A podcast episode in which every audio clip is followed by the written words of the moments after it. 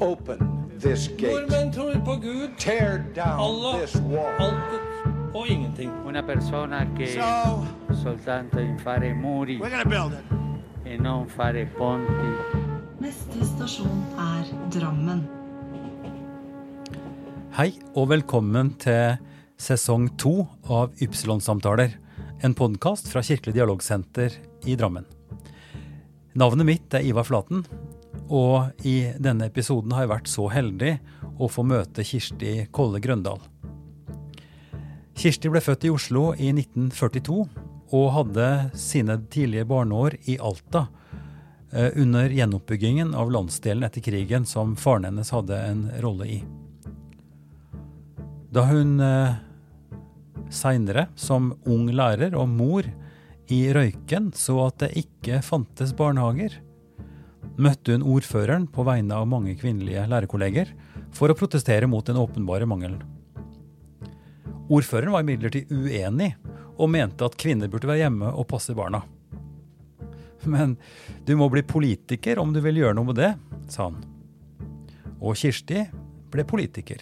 Først lokalt, så stortingsrepresentant, statsråd for to ulike departementer, og så den første kvinnelige stortingspresidenten.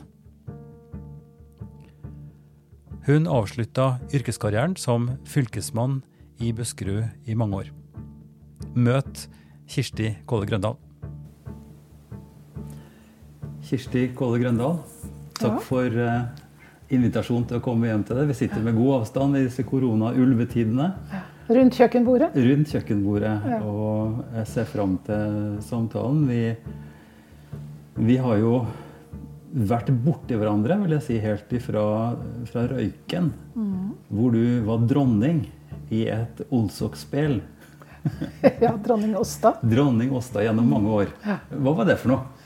Jo, vi hadde jo en fenomenal eh, sogneprest, Trond Hylland, som, eh, som kom etter at det hadde vært litt vekslende eh, prester tidligere i Røyken. Og så, På den tiden var jeg eh, kirke- og undervisningsminister, og da jeg så at sognepreststillingen i Røyken skulle lyses ut, så sa jeg nå må dere skaffe en prest som er god og god, flott, for, sånn at folk vil komme i kirken og høre på ham. Eh, og da ble det Trond. Han kom jo den gangen som eh, misjonærprest fra Kamerun. Ja. Og kom til Røyken med alle sine ideer. Jeg kan jo også si at det er Trond som er den direkte årsaken til at jeg ble prest. Ja, nettopp. Det var han Det, som det han som rådet meg i den, eh, i den ja. Men, men Åsta, dronningen, Eh, hva det Dronning for noe? Åsta, ja. Altså han, eh, sammen med flere fra menigheten så lagde de en liten eh, gruppe som skulle eh, planlegge et, eh, et Olsok-spel Mm. som vi hadde i haven i prestegården etter at gudstjenesten var over. Mm. Og eh, det spelet hadde den eh, strukturen at eh, den skulle handle om nåtid, personer, men ble satt 1000 år tilbake i tid. Olav den hellige, for Olsok er jo Olav den helliges dag. Og dermed dronning Åsta som mor til Olav den hellige. Og vi kalte ham ikke Olav den hellige, vi kalte ham Olav den heldige. Akkurat passe uhøytidelig og morsomt, og det trakk fryktelig mye folk. Ja, Eh, husker jeg. Ett år så spilte jeg Brynar Meling, advokaten til, til Krekar. Ja, nettopp. Så det er liksom et ganske stort spenn, og det var mye snakk om hertug, eh, hertug eh, Hansen, eller hva man sa, altså om ordføreren i Drammen. Han har jo vært ordfører i uminnelige tider, ikke noe lenger. Men Og så var jo Jeltsin der ofte på besøk. Og, og vi, hadde jo, vi hadde jo noen som spilte eh, Solkongen. Og, så det ble trukket inn mange forskjellige Ja, ja, personer. ja. Alt ettersom hvilken historie det var. Dette er morsomt, og da, på dette tidspunktet var du eh, eh, kirkeundervisningsminister. Men, eh, men jeg kan jo også si, eh, Kirsti, at du eh, for alle praktiske hensyn også profesjonelt har vært dronning. I og med at du har vært nummer to i riket som stortingspresident. Ja, Det ble jeg i 93. Ja. Så jeg spilte i Olsok-spillet også etter at jeg var blitt stortingspresident. Men dette er en lang historie som vi skal kanskje komme litt tilbake til på litt forskjellig vis. Men eh, i tradisjonen av podkasten Dette er jo den første episoden nå i sesong nummer to. Eh, og jeg pleier alltid å stille spørsmål og prøve å finne litt ut av gjestene mines tidlige år. Altså hva som har gjort har vært eh, ja, prega, prega deg, hva som har gjort at du er den du er. Så kan ikke du fortelle litt om barndom og oppvekst? Ja, jeg er født av eh, akademikerforeldre. Eh, og min far, som da ønsket å gå videre i karrieren sin, han søkte på sorenskriverjobb i Alta i Finnmark. Så som tre og et halvt åring så dro vi til Finnmark. Og der ble vi i åtte år. Jeg hadde en mor og en bror og meg selv. Og så i løpet av den perioden så fikk jeg også en liten bror, eh, Finn, som var eh, mongoloid. Og som fikk mange eh, fødselsskader Ja. da han ble født. Ja. Så han eh, hadde aldri noe språk. Eh, far klarte å få ham til å gå gjennom uendelig trening eh, i den gamle byfogdgården i Fredrikstad. Og så eh, var han utrolig musikalsk. Så hver av oss eh, i familien hadde hver vår sang som han forlangte at vi skulle synge, og nåde oss. Og vi gikk inn på noen andres områder. Ja. Men det gjorde jo at jeg ble ganske opptatt av hvordan eh, utviklingshemmede og andre som ikke hadde det så godt som vi som var Ja, født med sø- Men altså- sølvskje i munnen, hadde det. Men tidlig altså til, til Finnmark, og så sa Ja. du nå Fredrikstad. Ja. Eh, Så hvor lenge fikk du oppleve Finnmark? i Eh. Finnmark var vi i åtte år. Ja. Eh, og der kom vi jo til. Gjenreisnings-Finnmark. Ja. Vi var blitt lovet et sted å bo, men det var jo ikke i stand. Så de første, det første året bodde vi i en tyskerbrakke. Som var noe som ble, sto igjen etter tyskeren. Det var det eneste ved siden av kirka. Eh, og så uh, satt mor på en byggeplass i et halvt år for å passe på at snekkerne bygde den brakka som da etter hvert ble vår. Så etter ett år så flyttet vi inn i et eget lite hus. Det er ikke sikkert at alle lytterne sånn umiddelbart assosierer noe til gjenreisnings-Finnmark, men dette var jo Dette var i brent jord. 47. Dette var brent jord Ja, etter krigen. ikke sant? Tyskerne brant jo alt de hadde. Og det var, altså, i, I Alta var det bare uh, sykehuset og noen få brakker etter Ja. tyskerne som sto igjen. Dramatisk. Det var det. Og du vet at å komme opp dit eh, Mine foreldre hadde jo bodd i Oslo, ikke sant? så de var jo byvante. Og når du kom dit opp, så var det jo nærmest naturalhusholdning. Eh, og eh, alt måtte ordnes. Til den første tiden hadde vi verken vann eller strøm i denne brakka.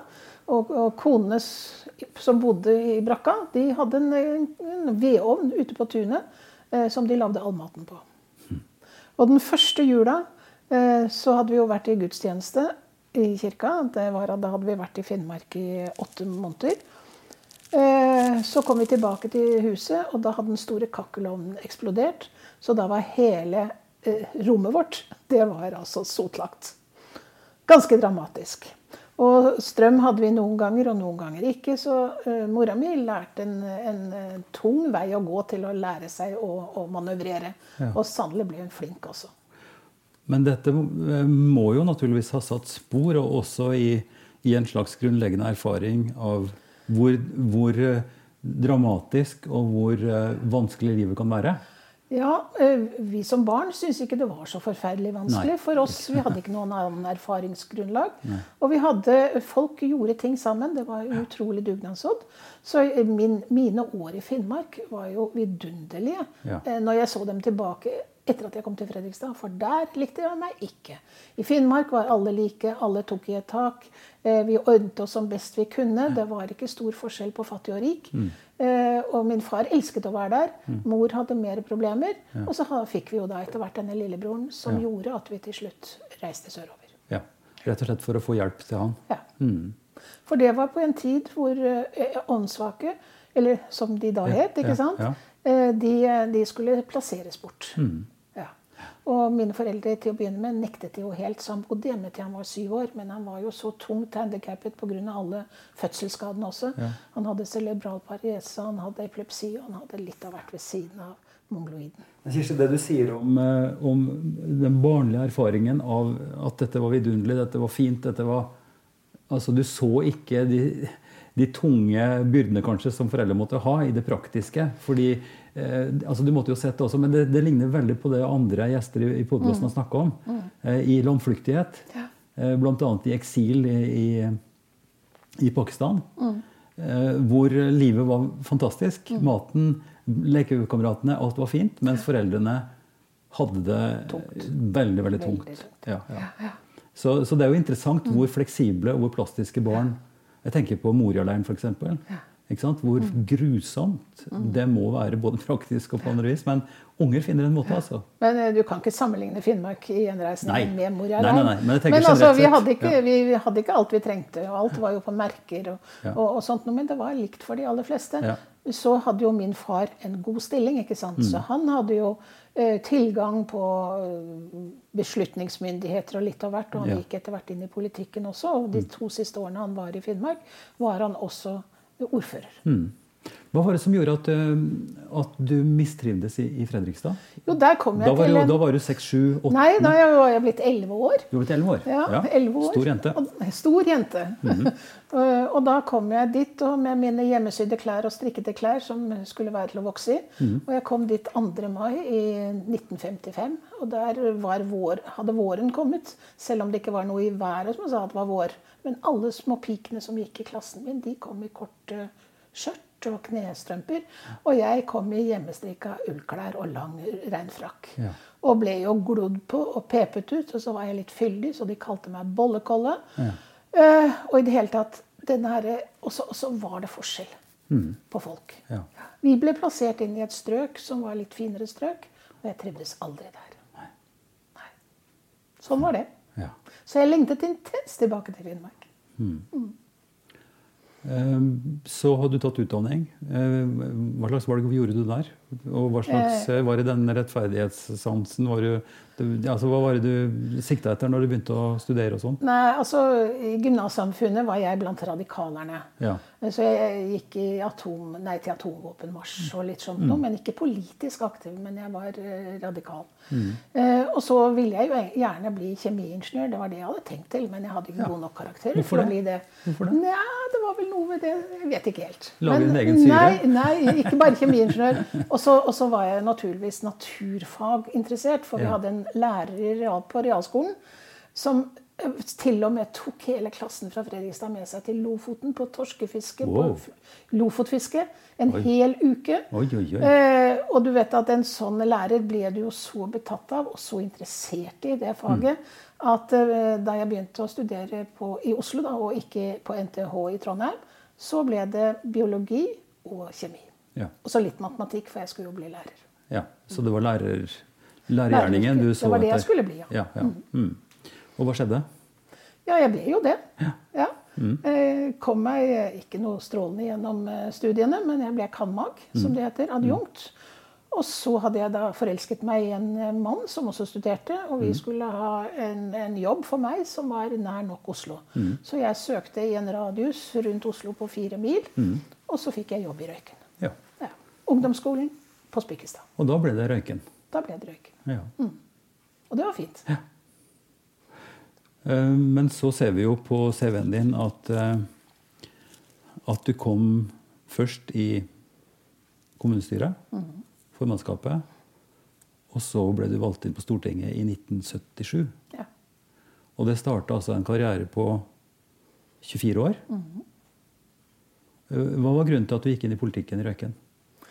Det var at jeg da var, hadde fått et barn og var gravid med nummer to. Og så var det ikke noen barnehageplasser. Ikke i det hele tatt. Ikke en eneste barnehageplass i hele Røyken. Eh, Og det var flere på lærerværelset på Spikstad ungdomsskole som i og for seg var nyutdannet og hadde barn. Mm. Og så ble jeg utsending til ordføreren eh, for å kreve barnehageplasser til barna våre. Og gamle ordfører Torleif Nilsen hadde satt og hørt på meg, og så sa han etter at jeg var ferdig, at jeg er helt uenig med deg. Jeg syns at mødre skal være hjemme hos barna sine så lenge de trenger dem. Men hvis du er uenig med meg, så er det bare å gå inn i politikken, sa han. Og så gjorde jeg det. Så enkelt var det. Du fikk et, så- som vi sier i, i, i, i kirkelig sammenheng, du fikk et direkte kall. Ja, det gjorde jeg. Og så var jeg jo realist også. Ja. Uh, Så det å gå videre med det partiet jeg hadde stemt på inntil da, SV, eller SF som det den gangen het, Mm. det fant jeg ut at det var det ikke noe vits i, for da ville jeg ikke oppnå noe som helst. Så jeg meldte meg inn i Arbeiderpartiet, som var min fars parti. Pragmatiker allerede da. Veldig pragmatisk og realistisk. Ja. Men du vet, jeg kom der sammen med fire bestefedre da, i Arbeiderpartiets gruppe. Vi hadde flertall. Og det var ikke noe lett å få gehør for barnehage, altså. Nei. Nei. Så så lenge jeg satt i kommunestyret i Røyken, og det, der satt jeg i seks år, så ble det ikke noe barnehage. Nei. Nei. Det ene dårlige forslaget til tomte, tomteplassering etter det andre kom opp, og ingen uh, gikk gjennom nåløyet. Så det ble ingen barnehage. Nei. Så jeg kan ikke skryte på meg at jeg har Hva sørget for at det hva var med private initiativ? Var, var det noen som eh, altså Dagmamma-type ting? Så hadde vi en vidunderlig dagmamma, og henne har jeg faktisk kontakt med fortsatt. Mm. Hun eh, telte ikke timer så veldig nøye. Hun var villig til å arbeide på en hvit måte, så hun betalte de skatter og avgifter som hun skulle. Eh, og, hun, eh, og, hun hadde fire barn selv, Mm. så det var jo en barnehage i seg selv. Og hun bodde like ved oss, og barna ble veldig glad i henne og hennes familie, og det gjorde Svein Erik og jeg også. Så du verden. Ja. Så god som noen barnehage. Så man, man løs, løser det Ja. uh, ut ifra mulighetene. Jeg har jo en tilsvarende historie for, for oss. Vi måtte også finne sånne varianter. Men, eh, men Kirsti, hva gjorde den motstanden fra disse bestefedrene du var kommunepolitiker sammen med? Du måtte jo føle trykket fra kollegene dine, fra, fra de som hadde samme behov.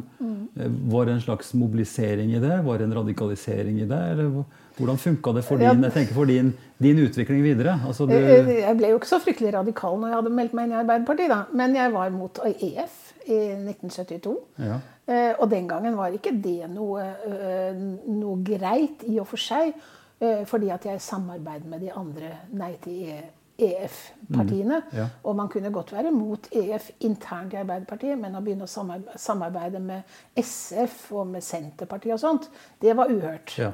Eh, Så jeg hadde noen måneder med ganske eh, kald stemning i, i Arbeiderpartigruppa mi. Mm. Men, eh, men du, du blir jo sterk av det. Og, og så var jeg en periode også i fylkestinget. Og da var det en, en ganske ung ordfører. Det var den gang det var direkte valg til ordfører. Og han sa til meg Tenk at du er interessert i politikk som er så ung og vakker, sa han. Og du vet at da var det helt klart at jeg skulle ikke gi meg ved første, i første runde der. Snakker vi da rundt 75, eller? Nei, ja, 75. Du, du husker, at, du husker hvilket år 75 var? Ja. Det var kvinneåret? Kvinneåret, ja. ja. da, det var det. Det var nok en oppvåkning for oss i Oppdal òg. Altså, jeg gifta i 75. Ja. Og vi var eh, Altså Ingvild da, var veldig bevisst på dette, og vi begge to. Mm. Altså det med hva altså Det som vi kalte da kjønnsroller og Mm. Kvinnesak, da, som, det, som det het. Hvor viktig det var. Jeg var jo med i protestgruppen i, i, Røyken, i Røyken i 72, da vi fikk valgt inn flere kvinner. Og det var jo det året kvinnene kom i flertall i kommunestyret i Oslo, i Asker og i Trondheim. Og i, i Drammen, nei, i, i Røyken ble det syv kvinner inn, og det hadde bare vært tre stykker før. Så, Så det var jo, det var jo en, en, en, en oppvåkning eller en type bevisstgjøring Ja. På den tida som var markant. Dette kommer det også, Jeg kan også se det i sammenheng med radikaliseringa rundt 68, eh, sant, som starta i Frankrike. 68-generasjonen. som vi, vi snakker vel ikke så ofte om den lenger nå, men det har jo vært et begrep. Ja da, og det har jo nettopp vært et jubileum for det også. Ja. Eh, og, og det med at mor skulle ha jobb, ikke sant, og ungene gikk, gikk for lut og kaldt vann, som det nærmest het, Ja. eh, det var jo slik at du fikk veldig dårlig samvittighet eh, hvis du, barna ikke hadde skikket seg vel. Mm. For da var det moras skyld, som, som eh, satte andre ting høyere enn barna sine. Så det var ganske krevende. Det er ganske grunnleggende problematikk, det der. Og jeg husker også fra min oppvekst. eh, Vokste opp på en, eh, en nokså liten, er ikke liten, men altså en moderat eh, gård. Melk, eh, mjølkekyr og, og hardt fysisk arbeid, og hvor mor eh, var svært aktiv. Kom fra en husmannsplass på Dombås med ni søsken. Eh, og syntes det var stort å komme til en å få muligheten til å ta over en gård. Eh, lang historie. Faktisk en egen podkast er laga på det der også, med hennes historie. Men, men at, eh, at for henne òg så føltes det nok veldig problematisk eh, å skulle tenke seg at å gå vekk fra ansvaret som ha- hadde med hus, med barn eh, å gjøre. Hun jobba knallhardt både hjemme, sydde klær, altså det du forteller om hjemmesydde ting. Um, men altså en, en følelse av at, at det er noe som blir mista når, når en forlater, Altså når en har sin hovedaktivitet utenfor. Og dette er jo noe som, som nå er ikke bare mainstream, men det som er helt Det er uvanlig. at en skal klare, Og man klarer seg nesten ikke på én inntekt. Men Så det, det har jo skjedd noen ting i denne samfunnsdynamikken som en kunne vurdere å snakke om som et eget felt, egentlig. Du lytter nå til episode 44 av Ypsilon-samtaler. I denne episoden snakker jeg med Kirsti Kolle Grøndal. Ja, og du vet at da jeg kom inn i, i regjeringen i 86, så var det første vi, vi kastet oss over, det var å sørge for at svangerskapspermisjonen skulle forlenges. Ja. Fordi da jeg fikk barn, i, eh, så hadde jeg altså først, eh, eh, jeg, først tre måneders permisjon. permisjon, og den andre gangen bare to og en halv måned, fordi jeg hadde vært litt syk i forkant. Ja. Eh, og så fikk vi jo veldig fort, med Gro Harlem Brundtland som statsminister, så fikk vi det jo opp i et år. Og det har jo noe med muligheten til å kunne ta seg av både barn og familie. Ja. Og det er, for Ja. kvinner så Ja. var det ekstremt stort. Og dette er jo nokså unikt eh, på verdensbasis. Det er helt andre brutale forhold både i USA og eh, Europa, som vi vet. Ja. Hvor ikke, den prosessen ikke har gått, og hvor den tyngden da, med kvinnerepresentasjon og kall kvinnekamp, bevisstgjøring, har skjedd. Eh, Så det er åpenbart en stor styrke, men det gjenstår jo det faktum at, at når begge foreldre forfølger karrierer, og når man har stort engasjement utenfor, så, så ligger det, det er noen dilemmaer der. Og Eh, absolutt. ja. eh, Veldig dilemmaer. Ja. Og altså familier hvor både mor og far skal følge en fulltidskarriere begge to, Ja. så er det nok ikke så enkelt å kombinere med barn eh, og på en god måte. Eh, Så, så jeg, har, jeg, jeg kjøper ikke direkte at det er det beste som kan skje.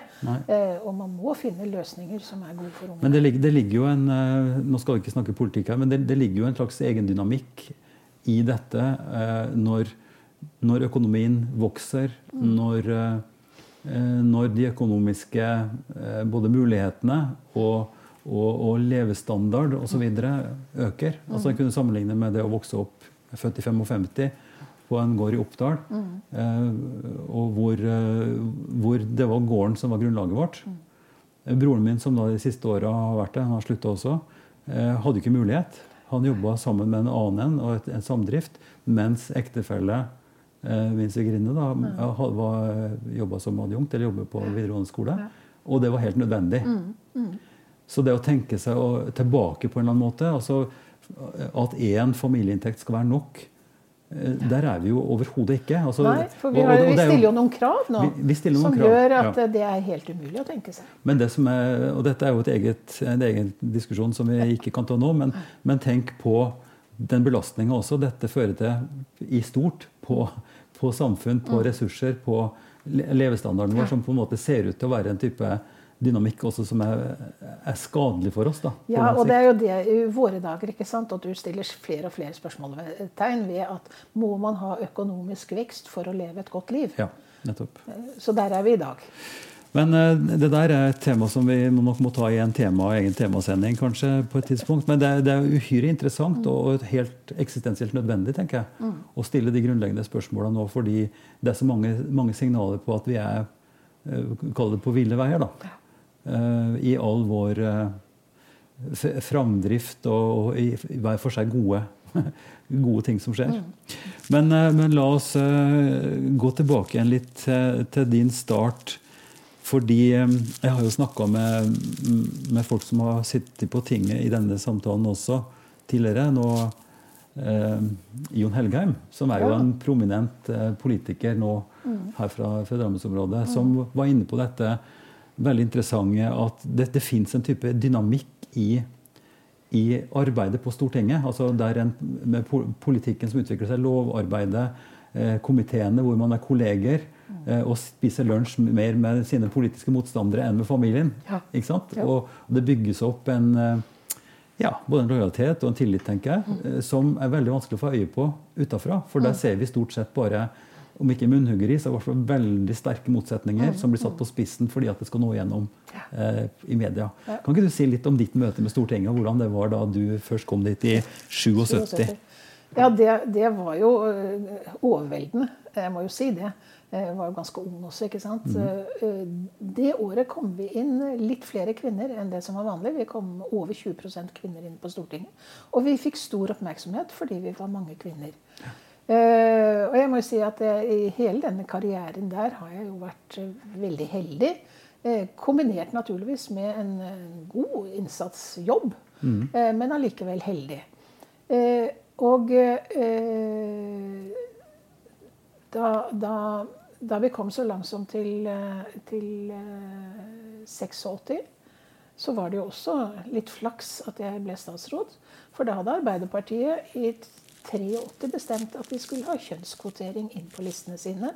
Og i alle, i alle råd og utvalg og sånt. ikke sant? ja. Og dermed så måtte Gro, da hun lagde sin andre regjering, måtte hun ha minst 40% kvinner i regjeringen. Mm. Og det var jo så eksepsjonelt at de kom jo fra alle kanter av verden for å se på denne rariteten. Ja. Ja. Kunne Eh, dette gå bra? Kunne dette gå bra? Det, det var nok mange som 40% kvinner? Ja. Og du vet at det sies jo at hvis det er 40% kvinner i en forsamling, så tror alle at de er i flertall. For vi er, vi er vel kanskje litt mer frimodige, ikke vet jeg. Men det, det sies så. Det, det var faktisk nytt for meg. Det er et interessant begrep. Da. Eh, Men i hvert fall, eh, det var jo, det var jo eksepsjonelt. Og, og i Japan så står det jo til og med en statue over den norske kvinneregjeringen. Hmm. I byen Osaka, hvor navnene våre står. Og så er det samtidig en, et dikt Ja. om oss. Du, du spoler litt fort nå, for nå, Nå nå, nå kom du direkte til, til da du var utdannings... Statsråd, Ja. Og det er jo en, eh, Men- det er jo en egen sak. ja. Men, men, men Stortinget som, som arbeidsplass, som, eh, altså hva som skjer, si litt om det. Den gangen var det Guttorm Hansen som var stortingspresident. Og han hadde jo hjemmeværende kone eh, og var en eldre mann, så det var ikke noen barn som forstyrret. Og etterpå så kom eh, det flere andre eldre menn som var stortingspresidenter. Eh, Og de, eh, ja, de hadde bare Stortinget å tenke på, og Og sin og- og- politiske og- virksomhet. Og hva, bety, hva, hva Og det betydde jo at uh, det var ingen plan for hvordan stortingsmøtene eller komitémøtene eller noe som helst skulle avvikles. Nei. Uh, Vi fikk vite på torsdag uh, hvilke dager vi skulle møte da, eh, uken etterpå. Hvilke saker som skulle være, og kanskje hvor lang tid hvert av møtene ville ta. Og eh, det var jevnt over at når vi skulle behandle budsjett og andre store saker, så holdt vi jo på, til langt på natt. Så november og desember, da var det sjelden at møtene sluttet før klokken ti om kvelden. Og ofte så holdt de på til klokken tre og fire på natten. Og på våren i mai og juni så var det ofte at vi gikk fra Stortinget når postbudet kom med Aftenposten på døren om morgenen. Eh, sånn at det var ingen struktur på det i det hele tatt. Og for oss som var f- familiefolk, og særlig oss kvinner, da, som fortsatt hadde et større ansvar for familien, Ja, ja, selv om vi var på. Stortinget, Mm. så var jo det en helt umulig måte å leve på. Så det første jeg gjorde som stortingspresident, var å gjøre om på det der. Ja. Ja. Men, men altså arbeid starta da 10-11 på 10, dagen? møtene begynte klokka ti. Og kunne holde på til langt på natt, som du sier nå. Eh, Og så hadde vi en pause fra tre til seks. For det var etter de gamle kara som skulle hjem og sove middag. Så vi hadde en Ja, det er helt sant. De hadde møtepause fra tre til seks på ettermiddagen, og så møttes vi igjen klokken seks. Hvor man gikk hjem til sin kone ja, for å spise gjorde middag? Det, mange gjorde det. Ja. Eller de, de, de tok seg middagshvilen sin, eller hva Ja. de nå gjorde. Ikke vet jeg. Men i hvert fall så begynte vi opp klokken seks igjen. Og det gjorde jo at møtene gikk utover kvelden. Selv i helt vanlig tid av året. Altså. Ja. Så mannen min hjemme han visste jo aldri når jeg kom hjem. Nei. Det betyr at uh, han også fikk en, et større ansvar for Han, drift av, eh, ja, av huset. Han hadde, han, tok, han hadde halv jobb, halvannet år. Mm. Og så hadde vi jo denne vidunderlige Ja, dagmammafamilien vår. ja, ja. Mm. ja. Eh, og nå, vi kan ikke gå inn i detaljer, og sånt, men uh, altså, vi forstår jo at, at arbeidet da, i disse intense periodene handla mye om møter. Mm. Man satt sammen og, og hadde saksfremlegg, man diskuterte en sak, man gjorde voteringer. Mm. Som da etter hvert ble enten budsjettsaker eller det kunne bli proposisjoner og Lov- lover. ja. Ikke sant? Lover fordi at Stortinget har som Dette er jo grunnleggende kunnskap, men vi kan godt repetere det. altså at Dette er jo den forsamlinga som legger premissene for hvordan landet skal styres. Ja. Og, gir I alle detaljer. og gir oppdraget til regjeringen for å utføre det. Ja. Ja. Slik at når du som stortingsrepresentant, det du nå forteller om, det er når du sitter der for å komme fram til disse gode måtene, beste måtene, presumptivt beste måtene på å styre landet på. Fordi at du har et mandat fra noen som har valgt deg inn, i dette tilfellet fra Røyken. Ja. Og du representerer Arbeiderpartiet, slik at du har en Eller type Buskerud, da. Ja, ja, ja naturligvis. Buskerud, men med, med bakgrunn i, I Røyken. i, i Røyken. Eh, men òg med et, det et mandat som har en type ideologisk forankring i en part, et, et partifellesskap. Slik at det er jo ikke bare din eh, enkelte som person eh, sine eh, ideer og, og tanker og, og føringer, men du, du har også en forpliktelse inn i, i, Ja, og- i partifellesskapet. Ja, og det kan du si at det viktigste organet på Stortinget er jo i og for seg ikke stortingsmøtet, hvor du voterer, hvor Nei. du stemmer, men det er gruppemøtene hvor du bestemmer Ja. hvilken politikk Si litt om, gruppe, si litt, si litt om gruppe. Hvilken gruppe kom du inn i? Jeg kom jo inn i Arbeiderpartiets gruppe. Ja. Uh, og den var jo en, en hele tiden Ja, unnskyld, nå, nå, nå, nå, tenkte jeg både på gruppe Og og komité. Men, men, men snakk om gruppen, for det, det er partigruppen. For det er partigruppen, og hver onsdag klokken, eh, klokken fire Mm. hadde vi møter. Og, de, uh, og derfor var det aldri stortingsmøter på kvelden på onsdager. Nei. For gruppemøtene kunne ofte ta ganske lang tid. Ja. Og da var det slik at vi, hvis vi hadde en sak som vi hadde i komiteen vår, som vi gjerne ville drøfte i gruppa, hvor det ikke var opplagt hvilket, sak, hvilket standpunkt partiet skulle ta, Mm. eh, så hadde du ansvaret for å legge den fram for gruppa, og så voterte man i gruppa. Mm. Og det kunne være ganske harde kvasse og vonde diskusjoner. Men også noen ganger hvor du følte at her, det, nå fikk jeg det som jeg ville. ikke sant? Ja, for du må, du må etablere en slags enighet, eller du må finne en, en, en kurs, eh, en, en retning som partiet som helhet kan stille seg bak. Og da var det slik at i de aller fleste stillene, eh, sakene, selv om du var uenig i resultatet, så stemte du for det. Ja. Ikke sant? Ja. Det var ikke din personlige mening som teller, det er Nettopp. partiets. Det er også mitt poeng her, at, at man er forplikta på noe større enn en, en større helhet. Ideologisk, praktisk, politisk, som, som på en måte da trumfer ens egne hjertesaker, eller, Ja. eller, Men altså, hvis du hadde evne til å overbevise de andre om at det du mente var rett, så kunne Mm. du klare det også. Ja, så klart. Og det, det handler jo den politiske debatten om, vil jeg tro.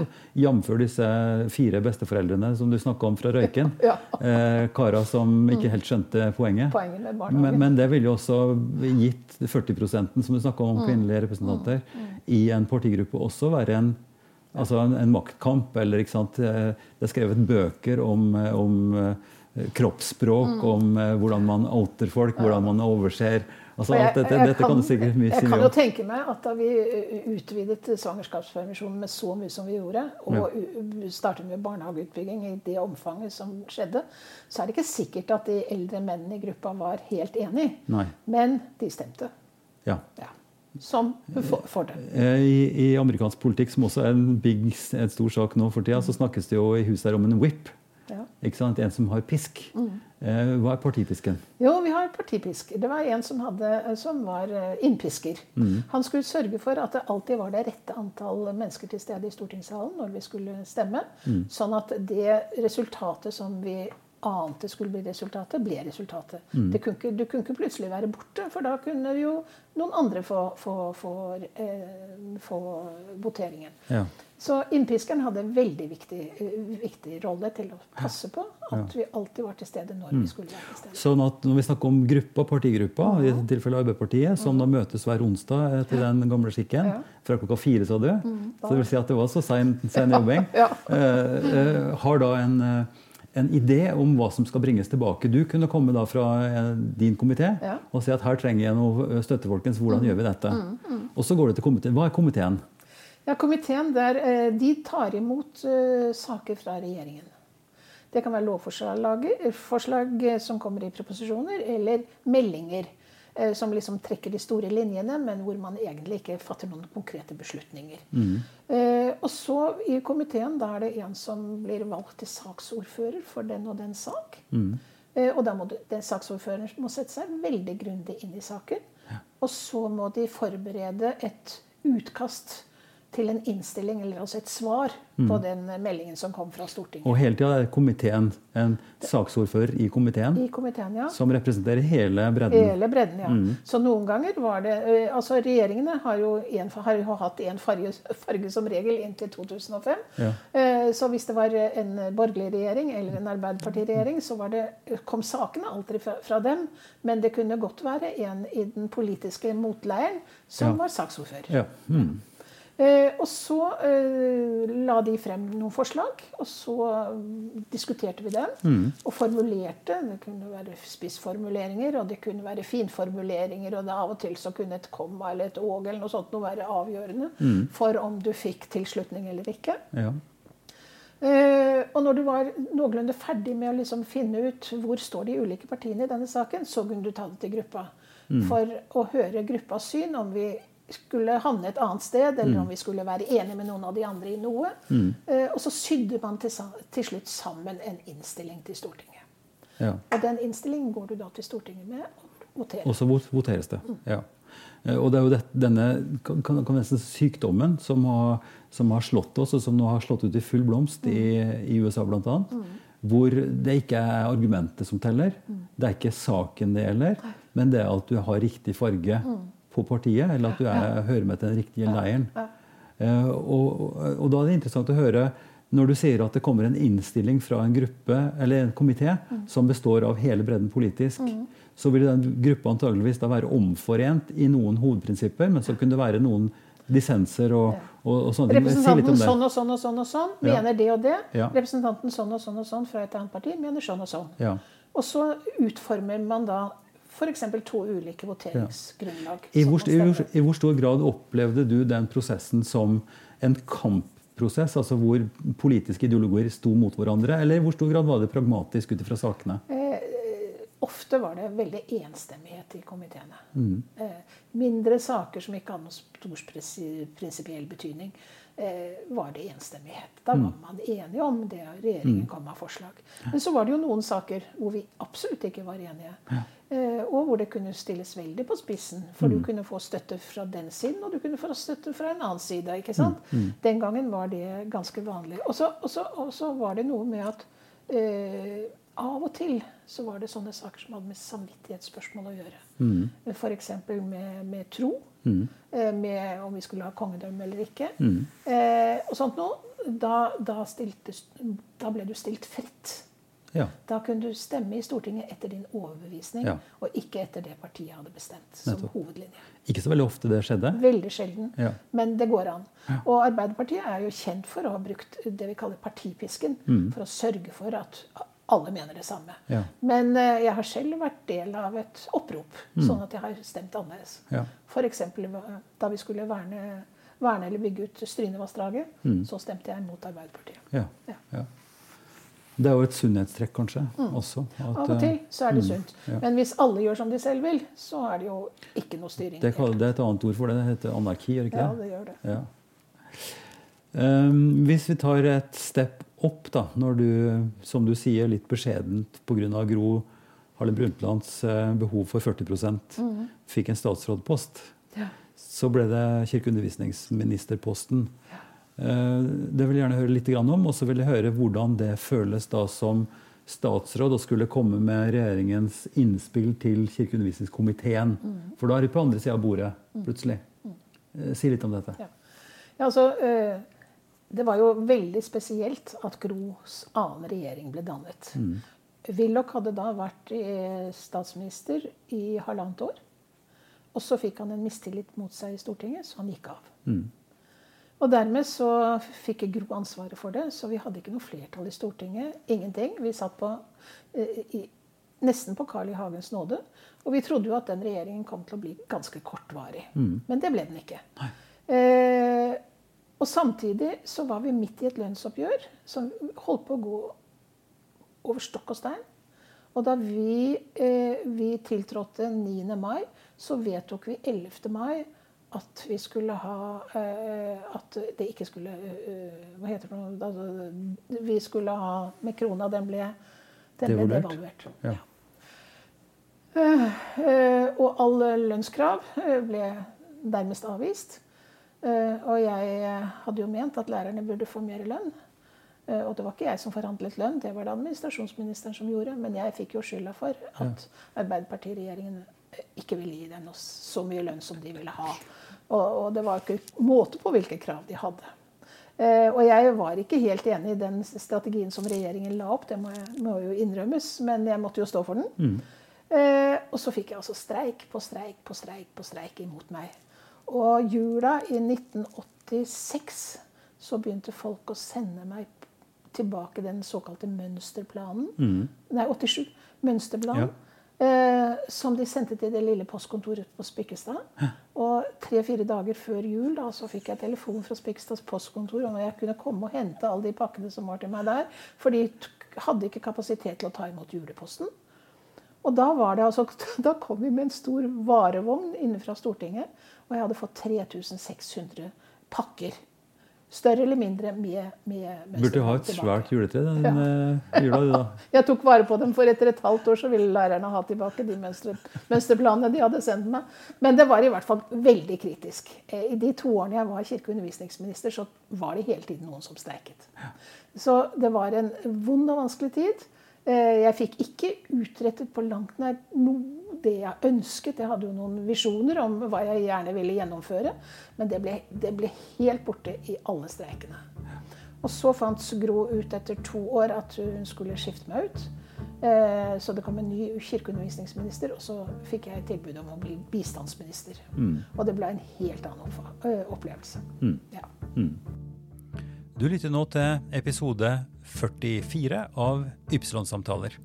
I denne episoden snakker jeg med Kirsti Kolle Grøndal. Det er ganske heftig. altså Du ble utsatt for en, en, en aksjon. Veldig. Jeg, jeg var jo lærer på den tida, så jeg husker Du veldig godt husker dette. godt- du husker jeg godt aksjonen. godt det. Altså, Ja. Vi gikk i tog, og vi, altså denne nye mønsterplanen 87. Ja. Eh, mye greier. Men, eh, men, men noe fikk du gjort som utdannings... Eller som, eh, som minister for kirke og utdanning. Jeg husker jo eh, du har fortalt meg en, hel- altså, i forbindelse med bispe... Ja, Eh, altså, vi hadde jo bispenominasjoner, og vi hadde eh, særlig prost. Mm. Kvinnelige proster. For den gangen så ble jo all, alle, til og med sogneprestene, utnevnt til statsråd. Ja. Nå er det jo ingen som blir utnevnt til statsråd. de var embetsmenn, ikke sant? Mm. Men de var embetsmenn.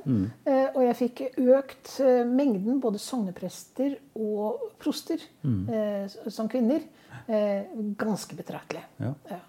Eh, Og, jeg, og det er jo slik eh, også at når du skulle utnevne en sogneprest eller noen kirkelig, Mm. så måtte sto, statsråd ha et flertall av, eh, av medlemmene måtte være medlem av statskirka. Mm. Og det var det ikke i Gros regjering opprinnelig, så jeg måtte rekruttere tre medlemmer til statskirken av, de, av, av mine kolleger. Ja. Og de gikk da inn. Det var jo veldig pragmatisk, det må man jo si. Ja, ja, de hadde gått ut pga.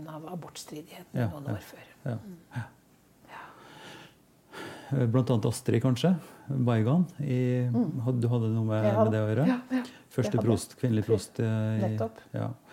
Eh, tida går veldig fort, og vi kunne, vi, vi kunne holdt på veldig lenge. Men nå, den tida vi har igjen, så har jeg lyst til å, å kanskje snu litt på perspektivet. For etter hvert så får du da den veldig sentrale og høyt rangerte stillingen som stortingspresident. Eh, og jeg vil gjerne at du skal si litt om hva det er, hva den rollen består i. Og så kunne tenke meg at, at du også reflekterer litt rundt eh, både hva Stortinget og også kongen eh, har bidratt med i forhold til det å åpne opp perspektivet for et større mangfold. Du har jo kjempa for den kvinnelige eh, delen. ikke sant? Mangfold på den måten. At ikke vi tenker bare altså Det blir jo for binært, i det minste. Kvinner og menn skal likestilles. Men vi har jo mange andre. Du har snakket, vært litt inne på det med, med, med psykiske handikap. Altså med utenforskap i den forbindelse. Du snakker om din egen opplevelse av å bli mobba. Eh, Men det er jo nokså subtile ting i forhold til altså om det var nordlendinger som skulle ha seg stilling og, og hus i Drammen, som var et problem fordi at de var så rare. ikke sant? Eller, ja. altså, så hele det perspektivet om innenfor utenforskap, hva du som øvrighetsperson da, i, i, i mange forskjellige forstand eh, har, har opplevd både av den tida du starta opp med det, og hvordan det ser ut nå. Stor, stor ting, men la oss starte. Det å bli stortingspresident. Hva, hva, hva, slags, hva slags nye perspektiver og ansvarsområder fikk du da? Altså, da skal du jo være stortingspresident for hele Stortinget. Mm. Og for hele landet. Ja. Eh, Du er nest etter kongen. Mm. Eh, Så i forhold til omverdenen har du jo en posisjon. Mm. Eh, Det, må det, er jo en, det er jo en teaterrolle, det er en skuespillerrolle.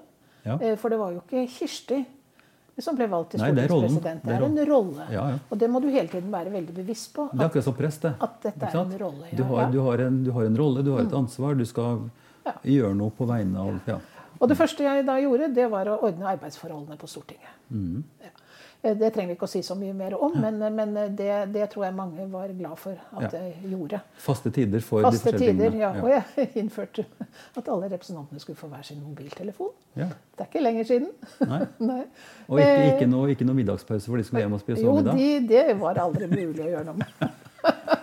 Men, men da har du et kollegium på, med stortingspresidenter. Eh, Ja. Vi er seks stykker fra de ulike partiene. Mm. Og, og vi skal jo forsøke å gjennomføre det Stortinget skal gjøres på en best mulig måte. Ja. Så uh, veldig viktig å ha god kontakt i de andre partiene. Du Mm. må snakke godt hver gang det var noe jeg ante ville bli uro rundt. Så snakket jeg med de parlamentariske lederne og la frem sakene for dem. Og de, Mm. vi ble enige. Så det var veldig lite støy internt i Stortinget Og bare i min periode. for en sånn eh, kunnskapsbit, en parlamentarisk leder, det er lederen for en gitt partigruppe. Mm. Ja, for hver partigruppe Ja. har en, en parlamentarisk leder. Ja. Mm. Ja. Eh, Så, så jeg brukte mye tid på det interne. Eh, Og så er det slik at Stortingspresidenten bestemmer ikke noen ting alene. Hun er, som Guttorm Hansen, altså en av mine forgjengere, sa, hun er fremst blant like. Ja. Eh, slik at jeg kan ikke bestemme at nå skal vi gjøre sånn og sånn og sånn. Alt mulig måtte vedtas demokratisk eh, gjennom. Og det, det skal det en viss evne til, og ikke tro at du kan bestemme. Eh, så, øh, og så blir du heller ikke så aktivt partipolitisk i de kontroversielle sakene. Eh, slik at eh, Som stortingspresident har du sjelden ordet til en sak. Du blir ikke saksordfører. Men jeg valgte å bli, sitte i utenrikskomiteen. eh, For der kunne jeg lære mye av det, den jobben jeg skulle gjøre som nummer to etter kongen. Ja. Og så har det jo mye med Slott å gjøre. Mm. og i 2002, nei, to, år 2000, da Mette-Marit og, og eh, kronprins Haakon skulle forlove seg, så var det jeg som kunngjorde det fra stortingspresidentens plass. Ja. Eh, Det er en egen historie. For det, det, men Det var ikke bare bare. det var ikke bare bare, nei. Det var jo en lang forhistorie. Ja.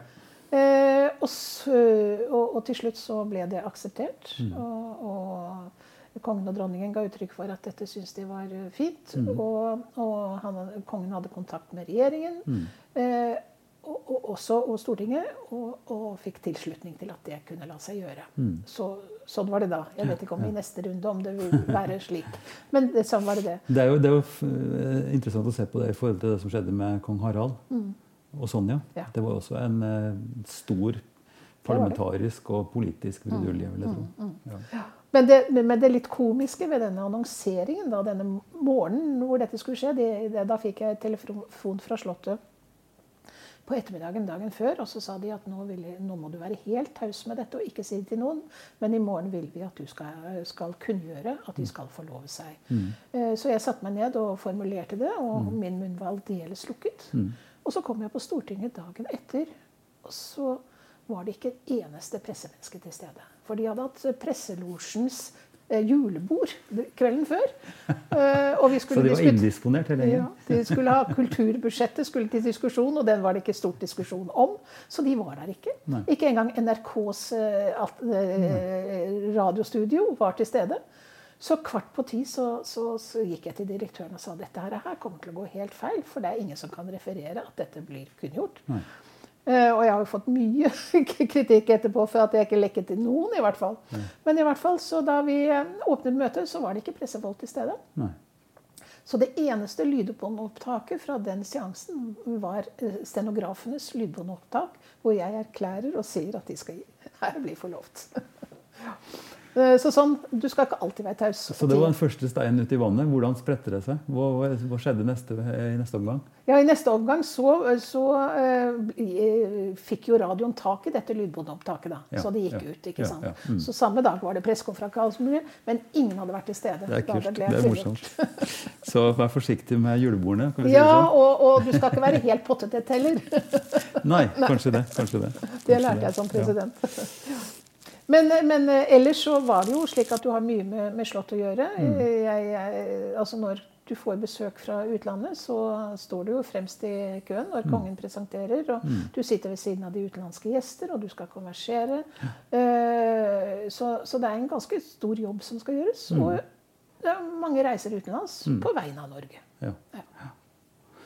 Eh, Og det, jeg merker jo at eh, vi trenger jo minst en dobbeltepisode for at dette skal eh, kunne dekkes sånn noenlunde fornuftig. Men det som nå de senere år har vært veldig tydelig, det er jo kongen og dronningens engasjement for alle nordmenn. Eh, og jeg vil tro at det er noe av det som du har sagt også stortingspresidenten. Du, du er en representant. Du skal samle Stortinget. Du skal være den som snakker med alle. Eh, Kan du si noe om hvordan du har opplevd i din, fra din utkikkspost da, gjennom hele karrieren egentlig, den utviklingen som har skjedd i forhold til det vi kaller med store bokstaver integrering, eller åpenhet for Altså, forskjeller? Jeg sluttet i Stortinget i 2001. Mm. Og da var, så Norge ganske annerledes ut. Vi hadde til da ikke hatt noen med annen norsk bakgrunn inn i Stortinget som representanter. Eh, kanskje som en varamann, men ikke noe annet enn det. Eh, jeg traff jo ganske mange eh, utlendinger som kom på besøk, Mm. men det var veldig lite, lite på Stortinget Ja. av dette. Mm. Mm. Så det har jo gått med kjempeskritt. Ja. Eh, I og for seg. eh, Selv om 20 år skulle jo bare mangle. Mm. Norge har jo forandret seg ganske betraktelig. Ja. Men kongen har alltid vært veldig eh, inkluderende. Eh, jeg merket jo først og fremst på inkluderingen i forhold til alle som bodde i Norge Mm. den gangen. Mm. Eh, men også hvordan de veldig tidlig eh, oppsøkte innvandrermiljø, Mm. bl.a. her i Drammen. Mm. Og jeg hadde, jo, jeg hadde jo Drammen i og for seg ganske nært innpå meg, selv om jeg bodde i Røyken. Mm. Og jeg husker da vi hadde en diskusjon rundt kjøkkenbordet mitt, som var et ganske sentralt sted for, politisk aktivitet i, i Røyken. Så hadde vi av og til innvandrere fra Drammen som kom og fortalte hvordan det var å være innvandrer. Mm. Eh, men, men det var I forhold til i dag, så, så Du kan nesten ikke forestille deg hvor, hvor vidt samfunnet var. altså. Nei, Neida, og, og vi har jo sett det på flere sektorer. Så dette er jo ikke Det skulle bare mangle. Altså, når du snakker Stortinget, så er jo det tross alt representanter som skal velges av et elektorat. Det skal være folk som velger folk inn. Du skal ha en posisjon, du skal ha en stemme, være synlig. Altså alt det som politikken innebærer. Så det er jo, det er jo enkel matte og enkel logikk å skjønne at, eh, at her tok det sin tid. Men, men altså, 20 år er ikke veldig lang tid, Nei, for så vidt. nei. Og det har skjedd mye, Ja. selv om det går altfor langsomt. Ja. ja. Um, jeg tror vi skal ta et, et skritt videre, for når du da går ut av Stortinget, så, så blir du det som vi i dag kaller statsforvalter. Ja. Eh, og statsforvalter het i gamle dager for fylkesmann. Eh, og, og du fikk ikke noe gjenhør for å kalle det fylkeskvinne. Det ville vært eh, dumt. Nei, og ikke snakk om hele, hele tatt. Nei, altså- igjen en rolle, igjen en Ja. funksjon for Ja. å være statens representant i et fylke.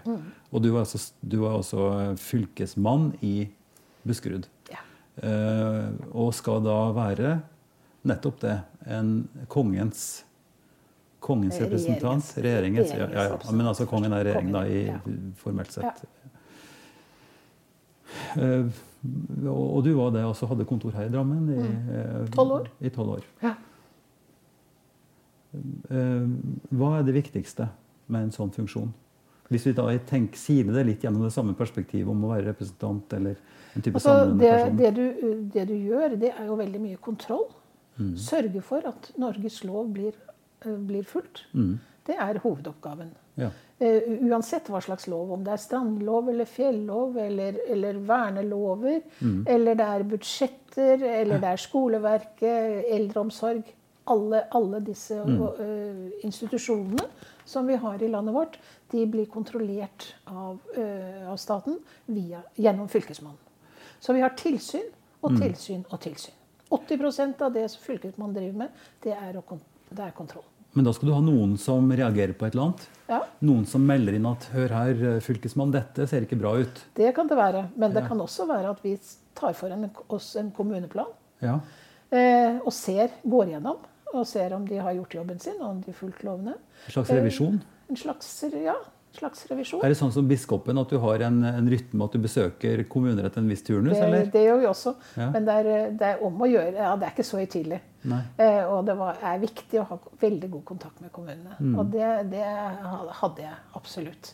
Og de skulle kunne komme til fylkesmannen med sitt sinne. Mm. For det var jo av og til at de var ordentlig sinna også, fordi de ikke fikk lov til å gjøre alt som de ville. Ja. Eh, og sine gleder. Og Mm. når de trengte hjelp. Ja. Men eh, igjen til barnelærdommen. Eh, I Norge så har vi et tredelt Mm. system. ikke sant? Du har eh, Stortinget som, og folket da, som lager lovene. Blir enige om hvordan ting skal være. Mm. Du har en regjering som har ansvar for å gjennomføre det. Men som også kan ha eget initiativ i det å foreslå Ja. ting. ikke sant? Og legge retning. Eh, og så har du domstolene som da skal løse tvister hvis det blir uenighet om hvordan ting skal forstås. Ja. Det vi ikke har snakka om, er jo byråkratiet. Altså den svære maskinen som ligger bak og maler og, og kverner og jobber for å få eh, orden på ting. ikke sant? Skille skitt og kanel og si ting klart og forberede ting. Ja. Eh, og både som storting, sto- storting og som regjering, ikke minst regjering, har dere et sånt Jeg har sjøl sittet i den Ganske funksjonen byråkrati. eh, som, som rådgiver i et departement og Ja. vet litt hva det handler om. Det skal vi ikke snakke heller om. Men du har også et byråkrati rundt det som fylkesmann eller som Ja. statsforvalter. Ja. Vi var, eh, var ca. 120 ansatt eh, hos Fylkesmannen mm. i Buskerud. Ja. Eh, Og, Og så vil noen si noe med en gang. For et misbruk! For noe tull! Her sitter de bare og lager det bare Byråkrat er jo en slags f- skjellsord faktisk i en del ører. Eh, Og ikke minst når du snakker populisme og det som skjer nå på at eh, ting er så enkelt, og hvorfor skal man snakke så mye osv. Hva er styrken ved et byråkrati? Det er at de eh, overlever regjeringer. Eh, de, de har lengre perspektiv på det de gjør, enn det en regjering har. Eh, som stadig skal tilfredsstille folket, og som, eh, som blir Altså, alle politikere blir jo, skal jo på valg. Annethvert år er det jo valg i Norge, og du skal hele tiden svare på det folket krever, eller være populister, eller, eller det å trekke lange tråder. Ja. Det er vanskelig for politikerne. Og det er da det er godt med et byråkrati som kan historien, og som vet hva loven sier. Ja. Ja. Det opplevde jeg første gang jeg kom i regjeringen, for da hadde jeg jo ikke vært i et sånt byråkrati før. Nei. Og der satt et ordentlig byråkrati og kunne veilede meg som ny statsråd Ja. eh, i, i hvordan tingene var. De var av og til vel konservative, for de hadde ikke, kanskje ikke så mange nye tanker. Nei. Det måtte du selv bidra med. Men du verden så godt å ha å, å lene deg til og vite at du ikke gjorde noe galt. Mm. Men jeg, jeg ser jo på, ut ifra egen erfaring, jeg har dyp respekt for, for byråkratiet. Ja. Ut ifra det jeg opplevde eh, hele systemet med at du har fagfolk som kan forberede ting, som Mm. kan skrive ting, kan skrive utkast til taler, men som da blir kvalitetskontrollert av en, av en eh, avdelingsleder. Og så har du en byråsjef som til syvende og sist setter stempelet på før du som statsråd Ja. får talen, f.eks. Ja. At, det- at det er et nitidig eh, men også at, eh, at du kan ha en, en gjens, altså, eh, Det er jo komiske ting, sånn, sånn som Yes, Prime Minister. Ikke sant? At du har byråkrati som bare nikker og bukker og gjør som de vil uansett. Eh, og det er jo liksom skyggesida av det, kanskje. Eller, eller den, at det er en tyngde og en konservatisme i systemet som gjør at du som politiker da ikke får snudd på dette her. Og nå vil jeg gjerne ta et grep og snu det rundt og peke på konkrete utfordringer i nettopp demokratiet, nettopp i folkestyret, i de tunge, litt langsomme prosessene. Hvor en ser et akutt behov for å gjøre endringer. Hvor en ser at politikken eller retninga vi går, ser skummel ut. Om det da går på integrering, om det går på måten vi eh, behandler eh, flyktninger på, osv. osv. Altså, der eh, næringspolitikk, ikke sant? oljevirksomhet, trafikkforhold Hvor det tilsynelatende, enten i form og Hvis vi snakker om byråkratiet, så kan jeg si at ok, her ligger det en slags eh, På livssynsfeltet, f.eks. En slags eh, mm, forlegenhet. Eller altså man er ikke helt fortrolig med hva som skjer, og derfor så tenker man sikkert å kjøre at nei, dette gjør vi som før. Eller politisk eh, retningsvalg i, i forhold til dramatiske inngrep hvor det ikke er politisk mulig, som det heter. Og hvor byråkratiet kan si at ja, men skal vi, hvis vi skal nå til et punkt sånn, så er vi nødt til å gjøre det. Men det er ikke politisk mulig. så må vi finne. Sånn, I dette feltet Kirsti, skal vi bruke de siste fem minuttene på å tenke på. Hva, hva vil du si om dette? Altså, Jeg har truffet veldig mange gode byråkrater. Men jeg har også truffet noen som er for byråkratiske. Som ikke evner å se altså Alle lover og alle budsjetter og alt mulig har visse muligheter til å gjøre det annerledes. Man kan, altså, Det er ikke noe som er hugget i stein. Eh, det er noen grunnleggende ting, men du kan alltid gjøre noe annerledes hvis du vil. Og det er det å eh, og det er ofte politikerne som kommer til byråkratiet sitt og sier at ja, men går det an å dreie det sånn og sånn og sånn måte? Og en god eh, byråkrat vil da kunne lete for å se jo, det går- lar seg kanskje gjøre å gjøre det litt annerledes. Eh, og så går det an å fremme en lov forholdsvis raskt. Da vi skulle ha denne loven her med, med koronaen, så gikk det ganske fort å, å få den på plass. Så det går an å endre lover også hvis det virkelig haster. Det gjør det. Uh, men men det er nok en treghet i systemet som, som av og til er eh, bekymringsfull. Det tror jeg nok. Og du ser på innvandrersiden og hvem som skal slippe inn i landet og ikke landet. og sånt. noe. Der kan man henge seg opp i noen formuleringer, og så glemmer man at det fins andre formuleringer som faktisk en, eh, tillater en åpning. Så det er jo, du må hele tiden ha, ha for deg at det er ikke noe som er absolutt sikkert. altså. Nei. Eh, Men vår trang i våre dager til å, til å henge ut folk som gjør noe galt, det gjør at rommet for å være litt mer fleksibel og tenke litt grann, ø, utenom uh, om boksen, det blir veldig mye vanskeligere. Ja. Hvis du tolker det A4 hele veien, så kan du ikke hektes for det. Men hvis du tenker litt utenom, Ja. som ofte er, er behov for, så bli, kan du bli hengt for Mm. det. Eh, og nå tenker jeg også vi står i noen sånne nesten eksistensielle valg. Eh, for det blir mer og mer tydelig for oss at den velstandsutviklinga som vi har, den, eh, det, det forbrukssamfunnet vi har, den måten vi har ordna oss på, eh, ikke er bærekraftig. Og nå, Dette er jo ikke noe nytt. altså hele, hvis, vi ser tilbake på 2020, så er det ikke bare, det er ikke bare korona året, men, men oppløpet til det også, så ser vi også Greta Thunberg og hele den der fra en liksom flettejente som sitter utafor en, uh, en skole og som er helt irrelevant, blir en sånn nesten global kraft. Profetisk, kan man kanskje si også. Eh, Så vi peker på noen omstillingsbehov som er så manifeste at vi må kanskje snu litt på de grunnleggende tingene. Og vi har jo snakka i, i forskjellige fora om, om ikke koronaerfaringen som tvinger oss til å tenke annerledes både om reise, om forbruk og andre ting, kan være en slags korrigerende kraft Ja. eh, som vi i utgangspunktet ikke har bestilt og ikke vil ha, men som nå står der. Eh, og i hvor stor grad den kan bidra til at vi får hjelp til, eller blir pressa til å gjøre upopulære valg. Eh, og i den sammenhengen så vil jeg mm, utfordre deg kanskje til å si noe om, om hvordan dette ser ut ifra en garva, lang erfaringsbakgrunn som politiker. Hvor mulig det er å kunne gjøre dramatiske samfunnsendringer via politiske, demokratiske valg. Hva er det som skal til, Det- Kirsti? Det, det, du må jo overbevise velgerne dine. For en, en eh, ideolog som ikke greier å overbevise velgerne, blir ikke valgt neste gang. Eh, Og det er jo, det er jo liksom det der sverdet som henger der hele tiden. At hvis du ikke greier Hvis det du foreslår, ikke er, er, faller i smak, for å ut, uttrykke seg sånn, så blir du ikke valgt. Nei? Og så faller hele saken. Ja. Eh, Sånn at du må, du må eh, skaffe deg nok allierte til at sakene kan fremmes og bli godtatt. Og i en koronatid så har eh, situasjonen vært så ekstrem at mye mer er blitt godtatt enn det det ellers ville vært i mer normale tider. Og det er jo det vi er nødt til å, å forsøke å, å dra nytten av nå. Altså. Ja. At nå kan vi gjøre ting som vi ellers for et år siden kanskje ikke kunne gjøre. Og så dra det enda litt lenger enn at vi skylder på koronaen. Men folks tankegang er nok begynt å bli mye mer bevisst på en god del ting. Men det tar så lang tid. Og det er jo det som er, er utfordringen. At du, du snur ikke ting over natten, men hvis du bearbeider og bearbeider og bearbeider, de samme tingene blir sagt, så tror jeg at det kan modnes. Men hvor fins den endringskraften hen? da? Fordi vi er jo som enkeltmennesker og som samfunn konservative. Altså Når vi har det bra, når ting går som, som de skal, når vi har det greit, vi har jobb osv., så, videre, så føles det ikke akutt på noen måte å gjøre Nei. noen forandringer. Er Vi går ikke automatisk tilbake til mine foreldres liv med én inntekt, med et mye enklere liv, med ikke noe bil ja, og ikke noe ferier. eh, Altså, ja. Og, det, og, og, og miljøet er- forandrer seg jo gradvis. Så det, det der er ikke enkelt. Korona var noe vi plutselig skjønte at dette Ja. går fort. Da er det lettere å få det til. Eh, Men eh, vi får jo håpe at miljøet ikke forandrer seg så fort som koronaen har endret Ja, våre liv. det- Kanskje, men, men, men, men vi må greie å benytte de samme våpnene. Altså.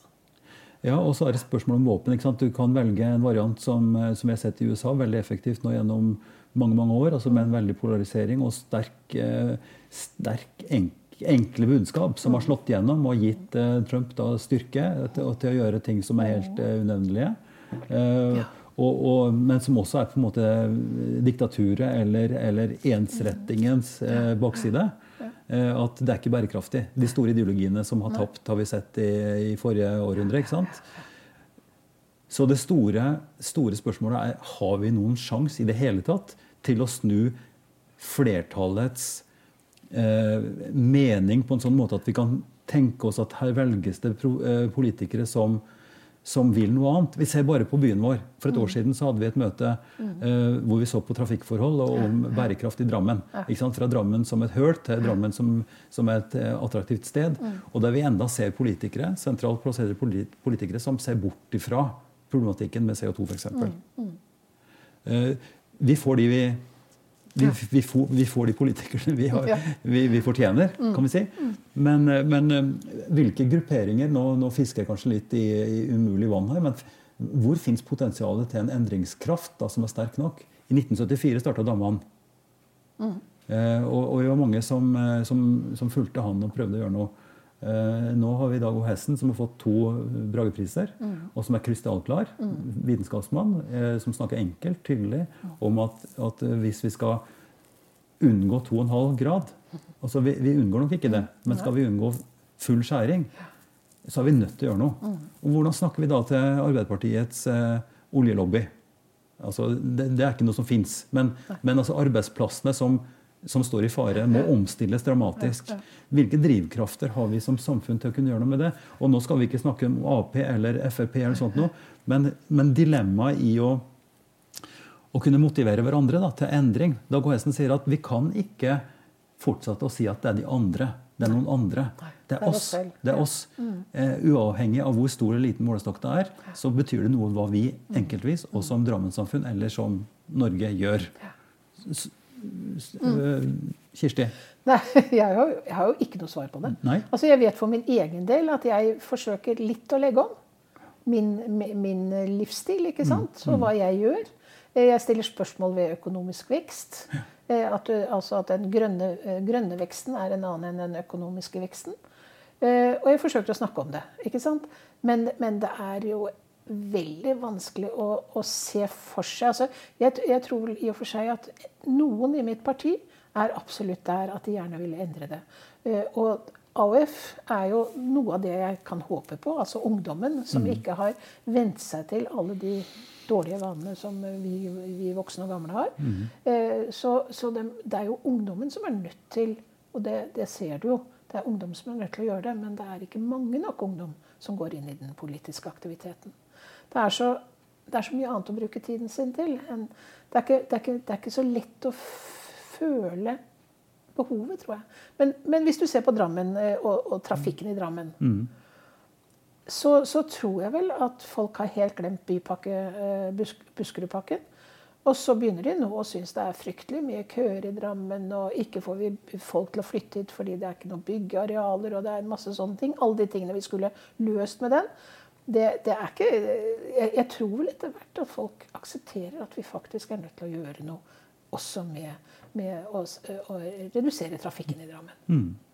Du snakker om ungdom og sånn. Jeg ser jo at det er mange som tar ordet i debatter, unge kvinner spesielt, som blir høvla ned på en sånn måte gjennom sosiale medier at de, at de ikke bare blir forsynt, men de blir faktisk skremt bort skremt, fra offentligheten. Ja, ja. Og det er kanskje noe som vi eh, snakker for meg sjøl, gubber, eh, eldre menn, eh, tradisjonelt tenkende og litt for kjappe på avtrekkeren i sosiale medier, burde være ganske, ganske forsiktige med, å begynne motsatt, å heie Ja. på Ja. ungdom. Heie på de radikale, heie på de som vil noe, og på vår ynkelige vis da prøve å følge etter. Men det er også en oppgave som jeg tenker vi burde flagge. Jeg syns det er imponerende med besteforeldrenes klimaaksjon Ja, ja, ja, mm. Men vi trenger også å være bevisst på hvordan vi kan støtte de som er framtida, da. Mm. Så kanskje er det noe der også, det å, som har med sosiale medier og, og debattklimaet vårt henfallet henfalle til enkle svart-hvitt-løsninger. Eh, Jeg har jo selv valgt å ikke være med på Facebook eller noen ting, for jeg orker ikke det der. Men jeg har en venninne som hver dag har satt seg til mål at hun skal, hun skal si noe oppmuntrende til en som får mye kjeft. Ja. Det er strålende prosjekt. Virkelig. Ja. Men det tror jeg vi runder av. Eh, Kirsti, vi får se om vi skal ha en eh, Løsningen tema, en temasamtale seinere, hvor vi kan få med flere også. For jeg tror dette er et brennende spørsmål om hvordan vi belager oss sjøl på og forbereder oss på de endringene som faktisk må komme, hvis, hvis våre barnebarn skal ha et liv som, eh, som ligner litt på det vi, vi har her. Tusen takk for en fin samtale. Takk for at du bruker tid på Ypsilon-samtalene. Hvis du liker denne episoden, kanskje du liker også andre som du vil finne mer informasjon om på www.ypsilonsamtaler.no. Der vil du finne en kort presentasjon av alle St. Pauli-partnere så langt, og lenke til episodene. Du må gjerne abonnere på Ypsilon-samtaler i din favorittpodkast-app. Og så er vi veldig glad for tilbakemelding og forslag som du kan sende til Ivar, krøllalfa, kirkeligdialogsenter.no. Podkasten er støtta av Drammen kommune, Barne- og familiedepartementet og Einar Juels legat. Ansvarlig utgiver er Kirkelig dialogsenter Drammen ved daglig leder Ivar Flaten.